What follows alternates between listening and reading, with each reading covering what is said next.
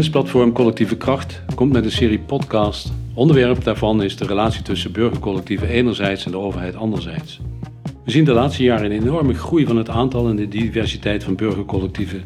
Bijvoorbeeld coöperaties op het gebied van zorg, energie en wonen, dorps- en wijkcoöperaties, sociale ondernemingen, voedselgemeenschappen en nog veel meer andere burgerinitiatieven.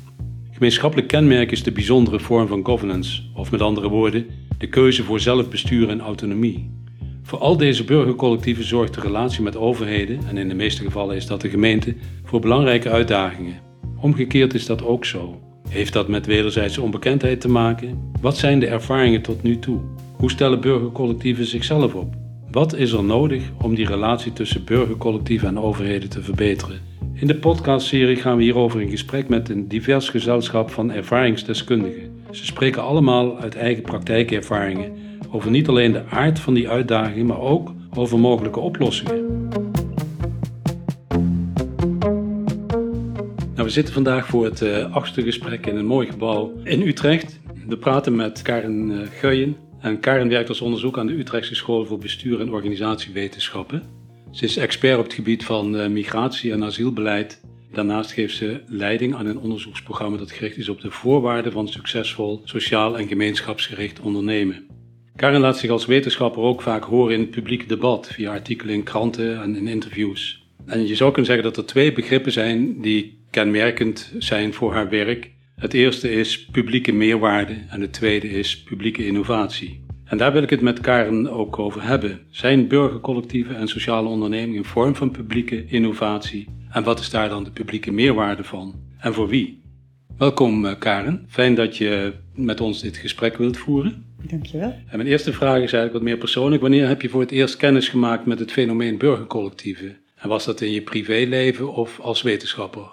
Ja, een burgercollectief of een burgerinitiatief waarvan ik totaal niet wist dat het dat was. Dat bestaat in het dorp waar ik vandaan kom. En het heet het Jozefhuis. Dat is een uh, initiatief van mensen die gericht op mensen die of langdurig ziek zijn of heel uh, oud zijn. En zij hebben gemeenschappelijk een gebouw en allerlei dingen die daarin uh, zijn. En ze werken dus voor oude mensen, hele dagen. Dus uh, mensen komen daar eten en uh, spelletjes doen. En ze gaan naar allerlei plekken toe. Ik had geen flauw idee dat dat een burgerinitiatief of een burgercollectief was, maar dat is het uiteindelijk wel. Toen ik het terugkeek. Ik dacht dat dat gewoon iets heel gewoons was, wat overal bestond. Ja. Ja.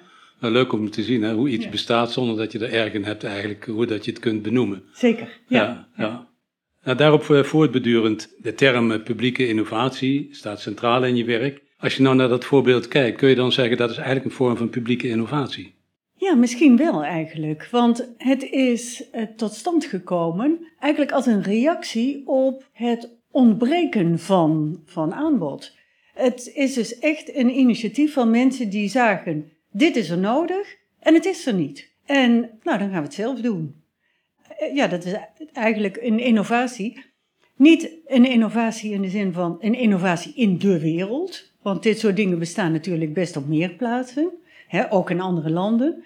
Maar het is wel een innovatie in deze setting. En dat noemen we dan ook een publieke innovatie. Dus het hoeft niet iets volkomen nieuws te zijn, ook iets wat in een andere setting tot stand komt, een nieuw idee in een andere context. Dat noemen we ook een uh, publieke innovatie. Maar het moet meer zijn dan een idee. Het moet ook geïmplementeerd zijn en het, het moet een zekere robuustheid hebben. Ja, dus het is per definitie iets anders dan een technische innovatie of een bedrijfsinnovatie. Het heeft echt met mensen te maken die zelf iets doen. Of heeft het ook met de overheid te maken? Ja, er zijn publieke innovaties die kunnen zowel technisch zijn als sociaal zijn. Dus een voorbeeld van een publieke innovatie die eigenlijk ontzettend technisch is, is het internet. Het internet is niet door bedrijven bedacht. Het internet is door een militair apparaat bedacht. En dat is in die zin een publieke innovatie. Nu denkt niemand daar meer aan. Nu denkt iedereen dat dat door Apple bedacht is of zo. Maar dat is helemaal niet het geval. Heel technische innovatie dus.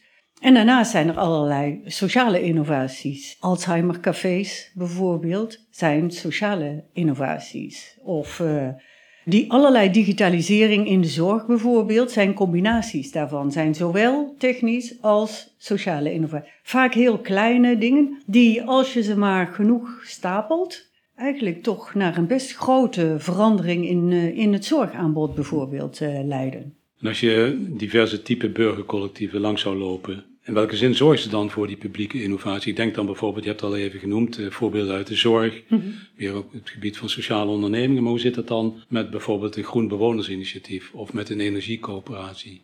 Kun je die daar ook onderscharen? Zijn dat ook publieke innovaties? Ja, in die zin van uh, het is iets nieuws in een bepaalde setting. Zijn het wel degelijk innovaties en publieke innovaties of sociale innovaties? Ja, dat is een klein beetje haarkloverij natuurlijk. Want wij hier uh, noemen publieke innovaties eigenlijk innovaties waar de overheid op een of andere manier bij betrokken is. En sociale innovaties zijn dan bijvoorbeeld innovaties die echt puur alleen maar maatschappelijk initiatief, dus burgers, inwoners, uh, initiatieven uh, zijn.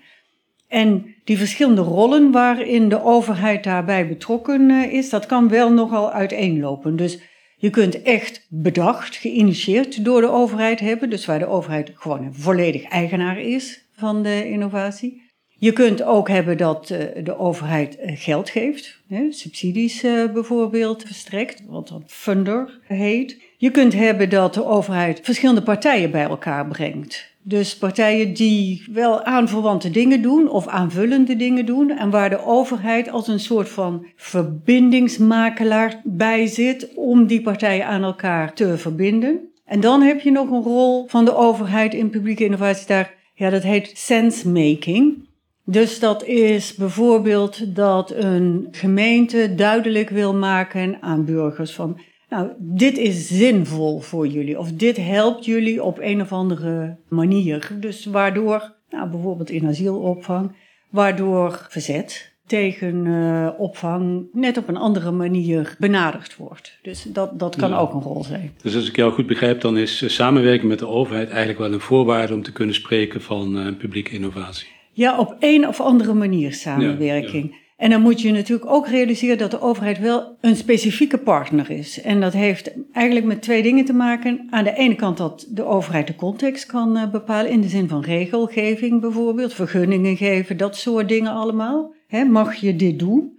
En aan de andere kant dat de overheid natuurlijk ook uh, geld, uh, geld kan geven. De overheid heeft best een grote pot geld, die ze al dan niet voor iets beschikbaar kan stellen. Dus de overheid wordt dan vaak gezien als onderdeel van een netwerk van verschillende organisaties waar ze die bij elkaar brengt, maar heeft daar vaak ook een, toch een specifieke rol in. En een van de belangrijke dingen daarin is natuurlijk ook dat de overheid democratisch gecontroleerd wordt. He, en die andere partijen moeten allemaal verantwoording afleggen aan hun eigen achterban of hun doelgroep of iets dergelijks.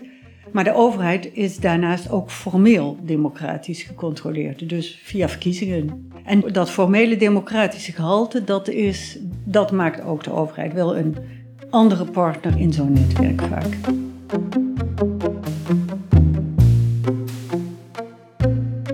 Is het zo dat de overheid die burgercollectieven nodig heeft om haar uh, eigen beleidsdoelstellingen te realiseren? Of zijn het juist de burgercollectieven die ook kunnen zeggen, nou we hebben die overheid helemaal niet nodig om uh, onze doelen te realiseren? Hoe, ja. hoe zit dat precies dan?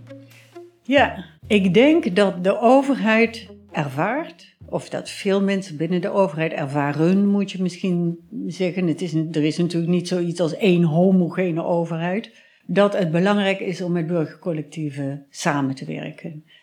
Wat je nu ziet, vind ik, is een beetje een verschuiving van dat traditionele overheidsdenken weg. Ook weg van dat marktdenken wat helemaal doorgeschoten is in, in veel te veel target uh, nastreven en enorm veel registraties en zo wat daarbij hoorde. Naar veel meer maatschappelijk denken. Dus veel meer eigenlijk waar burgercollectieven voor staan en waar sociale ondernemingen uh, voor staan. Een heel ander soort logica. Een logica van solidariteit en gelijkwaardigheid en empathie. En uh, wij zijn er voor elkaar en ook maatwerk. Heel anders dan de marktlogica die echt is competitie, winstgericht. Maar ook van de overheidslogica, die uiteindelijk gaat over gelijke monniken, gelijke kappen, geen willekeur, rechtszekerheid, eh, voorspelbaarheid, allemaal van dat soort uh, dingen. Ja. En je ziet die verschuiving dat de overheid zich volgens mij nu meer en meer realiseert in de afgelopen 10, 15 jaar van die verschuiving is er. En het is ontzettend belangrijk om samen te werken met die partijen die dat dragen. Dus waaronder burgercollectieven en sociale ondernemingen. Andersom kan ik me voorstellen dat het voor dat die kritiek die burgercollectieven wel eens uiten van het is zo moeilijk samenwerken met de overheid, dat dat ook te maken kan hebben met die twee verschillende logica's waarmee je te maken hebt. Dus de logica van de overheid die gaat over rechtszekerheid en geen willekeur en voorspelbaarheid, gelijke monniken, gelijke kappen. Terwijl aan de andere kant juist burgercollectieven denken vanuit maatwerk, dus het tegenovergestelde van geen willekeur. Eh, denken vanuit solidariteit, denken vanuit wij doen dit voor elkaar. Dus niet gelijke monniken, gelijk kap is voor iedereen altijd. Dus in die zin eh, zijn die logica's heel verschillend. En is het moeilijk ook soms om samen te werken. Ook omdat mensen zich niet altijd realiseren van waarom doen die anderen zo? Of hun eigen manier van denken natuurlijk heel vanzelfsprekend uh, vinden. Dus ik denk dat ze elkaar echt wel nodig hebben, dat overheid, burgercollectieven en ook sociale ondernemingen nodig heeft om legitimiteit, draagvak, toegang tot bepaalde groepen ook te verkrijgen. Nieuwe ideeën ook, nieuwe manieren van werken. Maar dat burgercollectieven eigenlijk de overheid ook nodig hebben voor hele simpele dingen als vergunningen, uh, ruimtes creëren en, en gewoon geld, uh, subsidies. Eigenlijk kom je dan vanzelfsprekend eigenlijk nu op, op de thematiek van publieke meerwaarde. Want dat is ook een van jouw begrippen die jij veel gebruikt. De vraag die je dan kunt stellen, waar zit hem dan die publieke meerwaarde in? Is dat een, een, criterium of zijn dat criteria die de overheid bepaalt? Of ligt dat bij de wetenschap of ligt dat bij, bij de burgercollectieven zelf? Wanneer is iets een publieke meerwaarde? Ja, dat is nou echt zo'n vraag. Ja, dat, dat, is echt een hele, het is een goede vraag, maar ook een hele moeilijke vraag. Want wat eigenlijk precies het geval is, is dat het niet zomaar bepaald wordt wat publieke waarde is of wat publieke meerwaarde is. Dat is iets wat verschillende actoren bepalen al naar gelang een specifieke situatie. Om een voorbeeld te geven, als je het echt lastig wil maken, in bijvoorbeeld asielopvang. Dus opvangen in, van asielzoekers in uh, buurtwijken. Dan zou je kunnen zeggen, wat is daar nou publieke waarde? Is dat we beschermen vluchtelingen, sprake van mensenrechten schendingen, uh, die, die mensen moeten ook ergens kunnen wonen. En dus doen we dat. Dat is publieke waarde, zou je kunnen zeggen. Aan de andere kant zou je ook zeggen, kunnen zeggen, publieke waarde is, wij beschermen onze nationale gemeenschap. het is hartstikke duur om, uh, om asielzoekers uh, op te vangen. En uh, als je ze eenmaal hebt opgevangen, ze hebben een paar jaar ergens zitten wachten, dan, dan komen ze heel moeilijk aan werk. Dus dan moet je ook nog eens sociale uitkeringen betalen. Dan moet je al die gezondheidszorg, geestelijke gezondheidszorg betalen economisch argument. Je zegt eigenlijk dat er heel veel verschillende perspectieven zijn om naar die meerwaarde te kijken en dat het ook een politiek of sociaal-maatschappelijk gevoelig thema is. Ja, en want, hè, want behalve dat economisch argument heb je nog een cultureel argument. Zij zijn heel anders. En een veiligheidsargument van, nou wie weet zitten we criminelen of terroristen. Dus wat is nou publieke waarde? Wat voor de ene publieke waarde is, hè, we vangen vluchtelingen op, we beschermen is voor de ander eigenlijk het vernietigen van publieke waarden. Dat is juist, hé, hey, als we dat doen, dan gaat onze nationale gemeenschap eraan. Of dan gaat dat ten koste van andere dingen die wij kunnen doen. Dus wat publieke waarde is, is maar net wat jouw perspectief is. Nou, dat zie je dus... terug, terug in het publieke debat, zou je kunnen zeggen. Deze Absoluut. tweedeling die jij ziet, met allerlei tinten ertussen natuurlijk. Ja.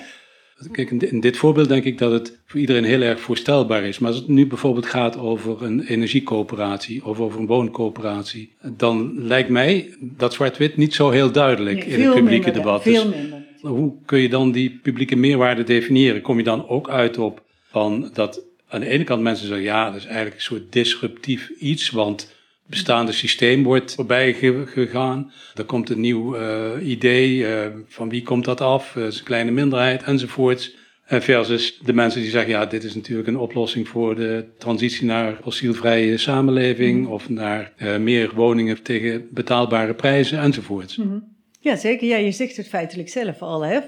Ook bij zoiets als energiecollectieven of wooncoöperaties zijn er verschillende stemmen veel minder enorm conflicterende stemmen dan bijvoorbeeld rond het asiel, eh, die asielkwestie, maar wel verschillende stemmen. En dan gaat het er uiteindelijk om en hoe bepalen we wat we gaan doen. En ook daar komt dan uiteindelijk toch weer gedeeltelijk ook de overheid om de hoek kijken vanwege dat democratische proces.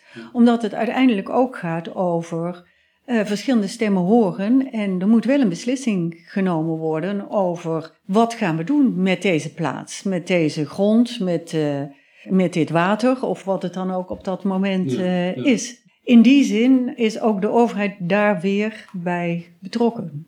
En kan het dan toch zo zijn dat publieke innovatie, behalve de creatie van iets nieuws, zeg maar, een nieuwe praktijk of iets, een nieuwe sociale oplossing voor een probleem, ook kan leiden tot een destructie van bestaande verhoudingen en systemen. Dat als doel, wij gaan iets doen om iets anders te vervangen. Ja. ja. Eh, om iets wat we niet goed vinden te vervangen. Dat is inderdaad wat er gebeurt en dat, dat heet transitiedenken. Hè? Je ziet dat heel veel in uh, duurzaamheidsvraagstukken uh, terugkomen. Dat hè, energiecollectieven spelen daar natuurlijk een belangrijke rol in. Dat het niet alleen gaat om het ontwikkelen van alternatieven, wat energiecollectieven feitelijk doen. Hè. Ze ontwikkelen op hele kleine schaal verschillende soorten alternatieven voor fossiele, niet duurzame energiesystemen. Dat is de ene kant, die heel super belangrijk is natuurlijk om te doen. Want levensvatbare, economisch voldoende opbrengende nieuwe systemen ontwikkelen, hartstikke enorm belangrijk om uh, te doen. Tegelijkertijd moet je daarmee ook ervoor kiezen om andere dingen minder te doen.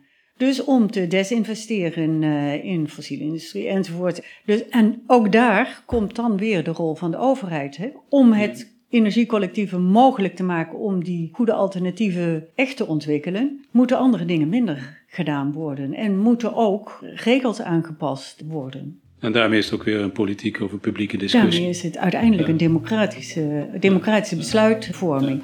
Want energiecollectieven in zichzelf kunnen maar zoveel.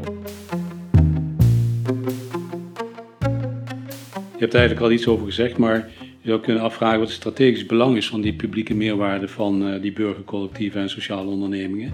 Zit hem dat juist in dat ze radicale vernieuwing uh, nastreven of uh, die geleidelijke transitie? Of zijn het juist de kleine stapjes die zij zetten waardoor de overheid getriggerd wordt om toch uh, na te denken van nou zitten we wel op het goede spoor, moeten we niet wat ruimte geven. Ja. Die prikkeling vanuit uh, zeg maar, de wereld van de burgers, wordt die voldoende opgepakt? Ja, ik denk deels wel. Je ziet echt wel een kentering, toch, de laatste paar jaar, dat er echt veel meer ogen en oren is om te zeggen van ja, dit is een goed idee, dit moeten we doen. En ook een erkenning van en er zijn ook werkelijk heel belangrijke partijen, zoals energiecollectieven, die daar echt een, een grote rol in spelen. Dus van eigenlijk zo'n zo'n soort uh, ja, fringe, marginaal verschijnsel, van, uh, dat het een aantal tientallen jaren geleden uh, was, is het echt een, een breed gehoorde stem nu geworden. Dus in die zin ook veel meer echt strategisch nadenken. Maar wel begonnen met het moet anders en wij hebben daar een mogelijkheid uh, voor ontwikkeld. En dat is ontzaglijk belangrijk natuurlijk. Dat, uh, je ziet dat op het terrein van die energie. En nu die uh, wooncoöperatieven en, en ja, zorgcoöperatie. Allerlei van dat soort aspecten. En ik kan me voorstellen dat dat op meer terreinen nog een rol gaat spelen. Dat het eerder breder dan minder breed gaat worden als ik jou zou vragen, is van noem eens een briljante mislukking eigenlijk, waarvan de overheid en ook de burgercollectieven zelf veel van kunnen leren. Heb je er dan een?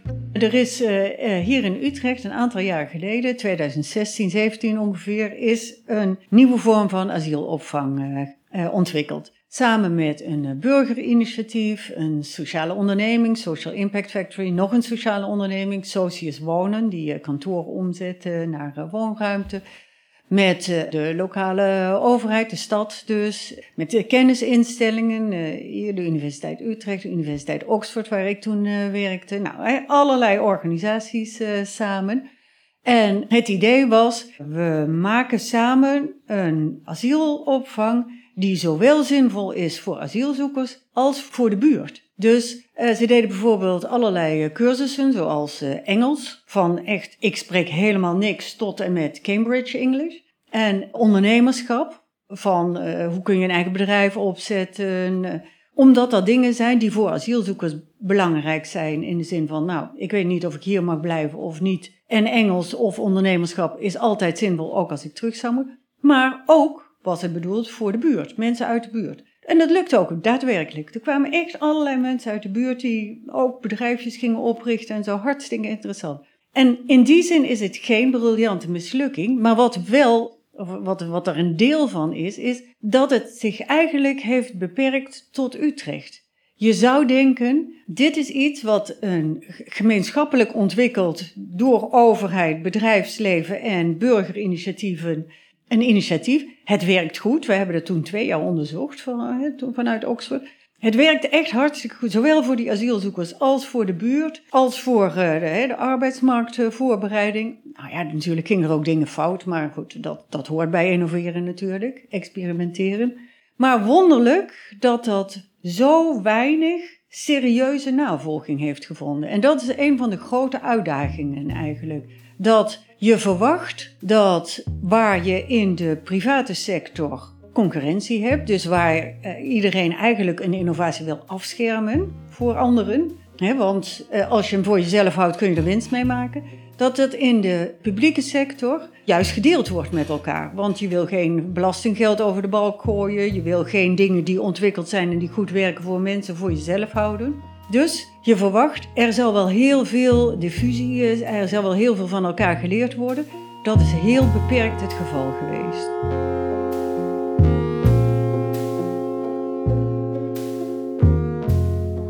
Ik ga even over naar nog strikter de burgercollectieven en daarna ook naar sociaal en gemeenschapsgericht ondernemen. Mhm. Je schrijft in de Volkskrant in een artikel dat burgercollectieven vooral gedijen op plekken en in sectoren waar het vertrouwen in de overheid een beetje is weggevallen. Je zou hier ook tegenin kunnen brengen dat burgercollectieven juist ontstaan daar waar de mogelijkheden gezien worden. Hoe, kijk jij er tegenaan? Ja, misschien is het allebei wel een beetje waar. Je kunt alleen maar innoveren als er een mogelijkheid is, als er een kans is, als er ruimte is. Dus, en als, als iemand het doet. Je hebt een ondernemer, een ondernemend iemand of eh, bij voorkeur een groepje daarvoor uh, nodig. En een context die dat toestaat of liefst nog faciliteert. Dus ja, ik denk dat het eigenlijk allebei wel een beetje waar is. Nou, we gaan ook zien of het in de en de partijprogramma's van de aanstaande verkiezingen ook uh, op die manier bij, diverse partijen een rol speelt. Daar ben ik erg benieuwd naar. Ja, en, maar ik vind wel zelf, hè, eh, er lijken nu politieke partijen te zijn die, die dat nadrukkelijk uh, neerzetten. Hè? Noberschap en allemaal van dat soort dingen. En dat is deels natuurlijk hartstikke goed. Alle aandacht, alle ondersteuning is hartstikke goed. Maar ik ben zelf wel een beetje huiverig voor een nostalgische aanvliegroute daarin. Hè? Alsof het een soort van terug is naar vroeger, toen iedereen heel erg lief voor elkaar was. Dat was natuurlijk echt niet zo. Dat is gewoon nooit zo geweest. Hè? Hoeveel kritiek is er altijd wel niet geweest op ook die sociale controle die daarmee samenhangt. Dus hè, dat overromantiseren, daar zou ik zelf wel enigszins huiverig voor zijn. Ja, dat, dat begrijp ik heel goed. Vandaar dus de stap ook te maken naar een belangrijk thema in jouw werk, dat is sociaal en gemeenschapsgericht ondernemen. Wat is dan, eh, om, om dat voor de toehoorder even aan te geven, wat is precies gemeenschapsgericht en sociaal ondernemen? Wat versta je daaronder? Ja, sociaal ondernemen of sociaal ondernemerschap, dat is als je een bedrijf eh, hebt, een dienst levert of een product eh, levert, verkoopt zou je kunnen zeggen maar waar impact first staat. Uh, als je een commercieel... Maatschappelijke impact bedoel je dan? Als je een commercieel bedrijf hebt, dan denk je in principe, hè, ik bedoel, zo zwart-wit is het allemaal niet, maar in principe ga je ervan uit, je wil winst maken. Dus dat is profit first. of profit only, zou je kunnen zeggen. En aan de andere kant, dus aan de ene kant heb je, heb je commerciële bedrijven winst. Aan de andere kant, helemaal aan de andere kant van het continuum, heb je goede doelen. En die hebben helemaal, hè, dat is impact only. Dat gaat helemaal niet over winst maken. En daartussenin zitten sociale ondernemingen. Die hebben zowel als doelstelling, we moeten onszelf kunnen bedruipen. We moeten niet alleen maar van subsidies en zo afhankelijk zijn of van hè, familie, grote familiefondsen uh, en dergelijke.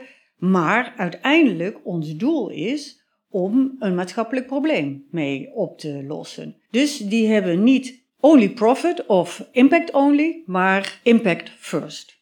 Dus het gaat om maatschappelijke impact. Dat zijn sociale ondernemingen, zou je kunnen zeggen. En burgerinitiatieven of burgercollectieven, dat heet dan maatschappelijk of gemeenschapsondernemen. Die kunnen zowel vergelijkbaar zijn met sociale ondernemingen, dus dat ze ook dingen verkopen. Energiecollectieven doen dat bijvoorbeeld. Maar die kunnen ook een beetje lijken op goede doelen. Dat ze in principe eigenlijk helemaal niet op winst maken of zichzelf volledig bedruipen eh, gericht zijn.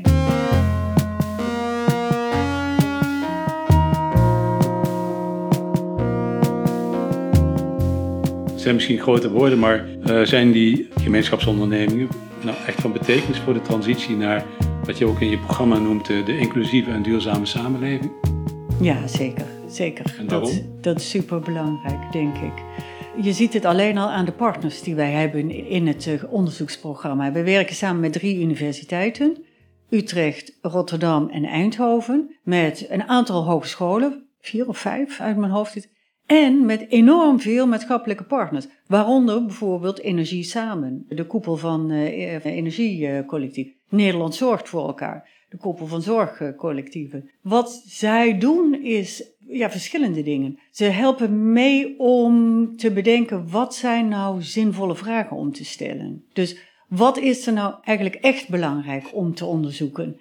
Ze helpen ons aan informatie, aan allerlei mensen die met ons willen praten documenten. Eh, ze vertellen ons over hoe dat dingen echt in elkaar zitten. En als we het onderzoek, of een deel van het onderzoek hebben gedaan, wij koppelen steeds ook weer terug aan hen. Met de dingen die wij vinden, gaan we naar hen toe. Kijk, dit hebben we gevonden. En daarmee kunnen zij hun bedrijfsvoering of hun doelstelling of andere aspecten waarmee ze kunnen ze ook weer een beetje bijstellen. Dus zij leren ondertussen tegelijkertijd met ons mee van het onderzoek. Dus de wisselwerking in dit geval van wetenschap met, met deze platformorganisaties over de problemen in de praktijk. Moet ik dat zien als een vorm van actieonderzoek of een participatief onderzoek? Het is een combinatie. We hebben een aantal uh, PhD's, dus uh, mensen die promoveren hierop, en ook een aantal postdocs, dus mensen die al gepromoveerd zijn. En dan nog. Uh, en deels, bijvoorbeeld een van de, van de PhD's, die doet nu een volledig jaar alleen maar literatuuronderzoek. Dus die kijkt in de literatuur, wat weten we eigenlijk al over sociaal ondernemen en gemeenschapsondernemen? En wat weten we over ecosystemen die daar al dan niet helpend bij zijn? Dus ik dat gewoon een volledig jaar doen. Maar er is een ander work package, zo'n programma, eh, een onderdeel van dat grotere onderzoeksprogramma, die deels met wat deze PhD dan eh, gevonden heeft in de literatuur en deels ook op, op andere gronden, met negen cases gaat samenwerken in hoe werkt het ecosysteem om jullie heen om dit goed te laten functioneren? En die dan ook mee gaan denken over wat zou er anders kunnen? En die mee gaan experimenteren. Oké, en als je dat dan verandert, wat gebeurt er dan? En dat weer terugkoppelen. Dus dat is een soort van ja, living lab, wordt het wel genoemd, met een soort van modieuze terminologie of eh, experimental governance of nou ja, dat soort dingen uh, allemaal. Actieonderzoek zou je het ook kunnen noemen met een meer ouderwetse uh, term. Maar er wordt ook gewoon puur literatuuronderzoek gedaan. Er worden surveys gedaan. Dus een combinatie van verschillende methodes. En wat is dan voor jou persoonlijk de komende periode de meest belangrijke vraag op dit gebied voor die gemeenschapsgerichte ondernemingen? Wat staat er bij jou vooraan? Ja, ik vind eigenlijk, ik ben ontzettend benieuwd naar in wat voor soorten contexten verschillende typen sociale en gemeenschapsondernemingen het beste functioneren. En dat niet zozeer als doel op zichzelf, maar vooral eigenlijk met als doel om erachter te komen op welke manier kun je nou het beste impact vergroten. Want wat je nu ziet, waar, waar ik net ook wel iets over heb gezegd, is veel van die publieke innovaties, hè, waar ook burgercollectieven mee bezig zijn, die zijn klein, die zijn geïsoleerd, die leren eigenlijk heel weinig van elkaar. Die weten soms niet eens dat ze bestaan, eh, dat anderen bestaan. En als er ook geleerd wordt, dan is het heel erg binnen een sector. Dus energie samen, energiecollectieven leren heus wel van elkaar. Maar hoeveel hebben die nou echt te maken met uh, zorgcollectieven of met wooncollectieven of met asielopvang?